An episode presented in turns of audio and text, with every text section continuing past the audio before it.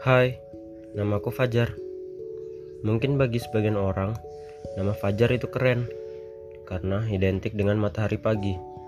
Tapi tahukah kalian, kebanyakan orang lebih suka senja dibanding Fajar.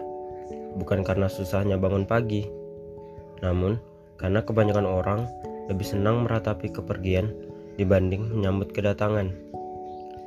Kepergian dan kehadiran seseorang adalah hal yang tidak bisa kita elakkan dari kehidupan. Yang dapat kita lakukan adalah menghargai dan mensyukuri hal yang ada. Ketika kepergian itu datang, setidaknya penyesalan tidak akan sebesar ketika kita tidak menghargainya. Karena kepergian yang manis hanya diberikan oleh senja dan fajar, dan bukan olehmu. Temanku pernah berkata, "Kecil bagi kita belum tentu kecil bagi orang lain.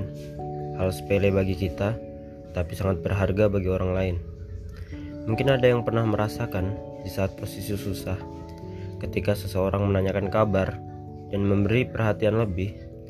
Mungkin bagi orang tersebut itu biasa, tapi bagi kita itu sangat berharga. Seorang teman tidak butuh transferan, traktiran, ataupun material, tapi seorang teman hanya butuh kehadiran. Mungkin kehadirannya tidak pernah kau tunggu, tapi tanpanya hidupmu akan kelabu. Oleh karena itu, Sebelum kepergian datang tanpa diundang, aku ingin mengucapkan kepada teman-temanku, maaf jika aku tidak hadir di kala kalian susah.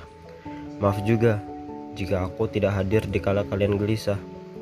Mungkin itu hanya kalimat yang sepele, tapi karena itu hal sepele, maka jangan disepelekan.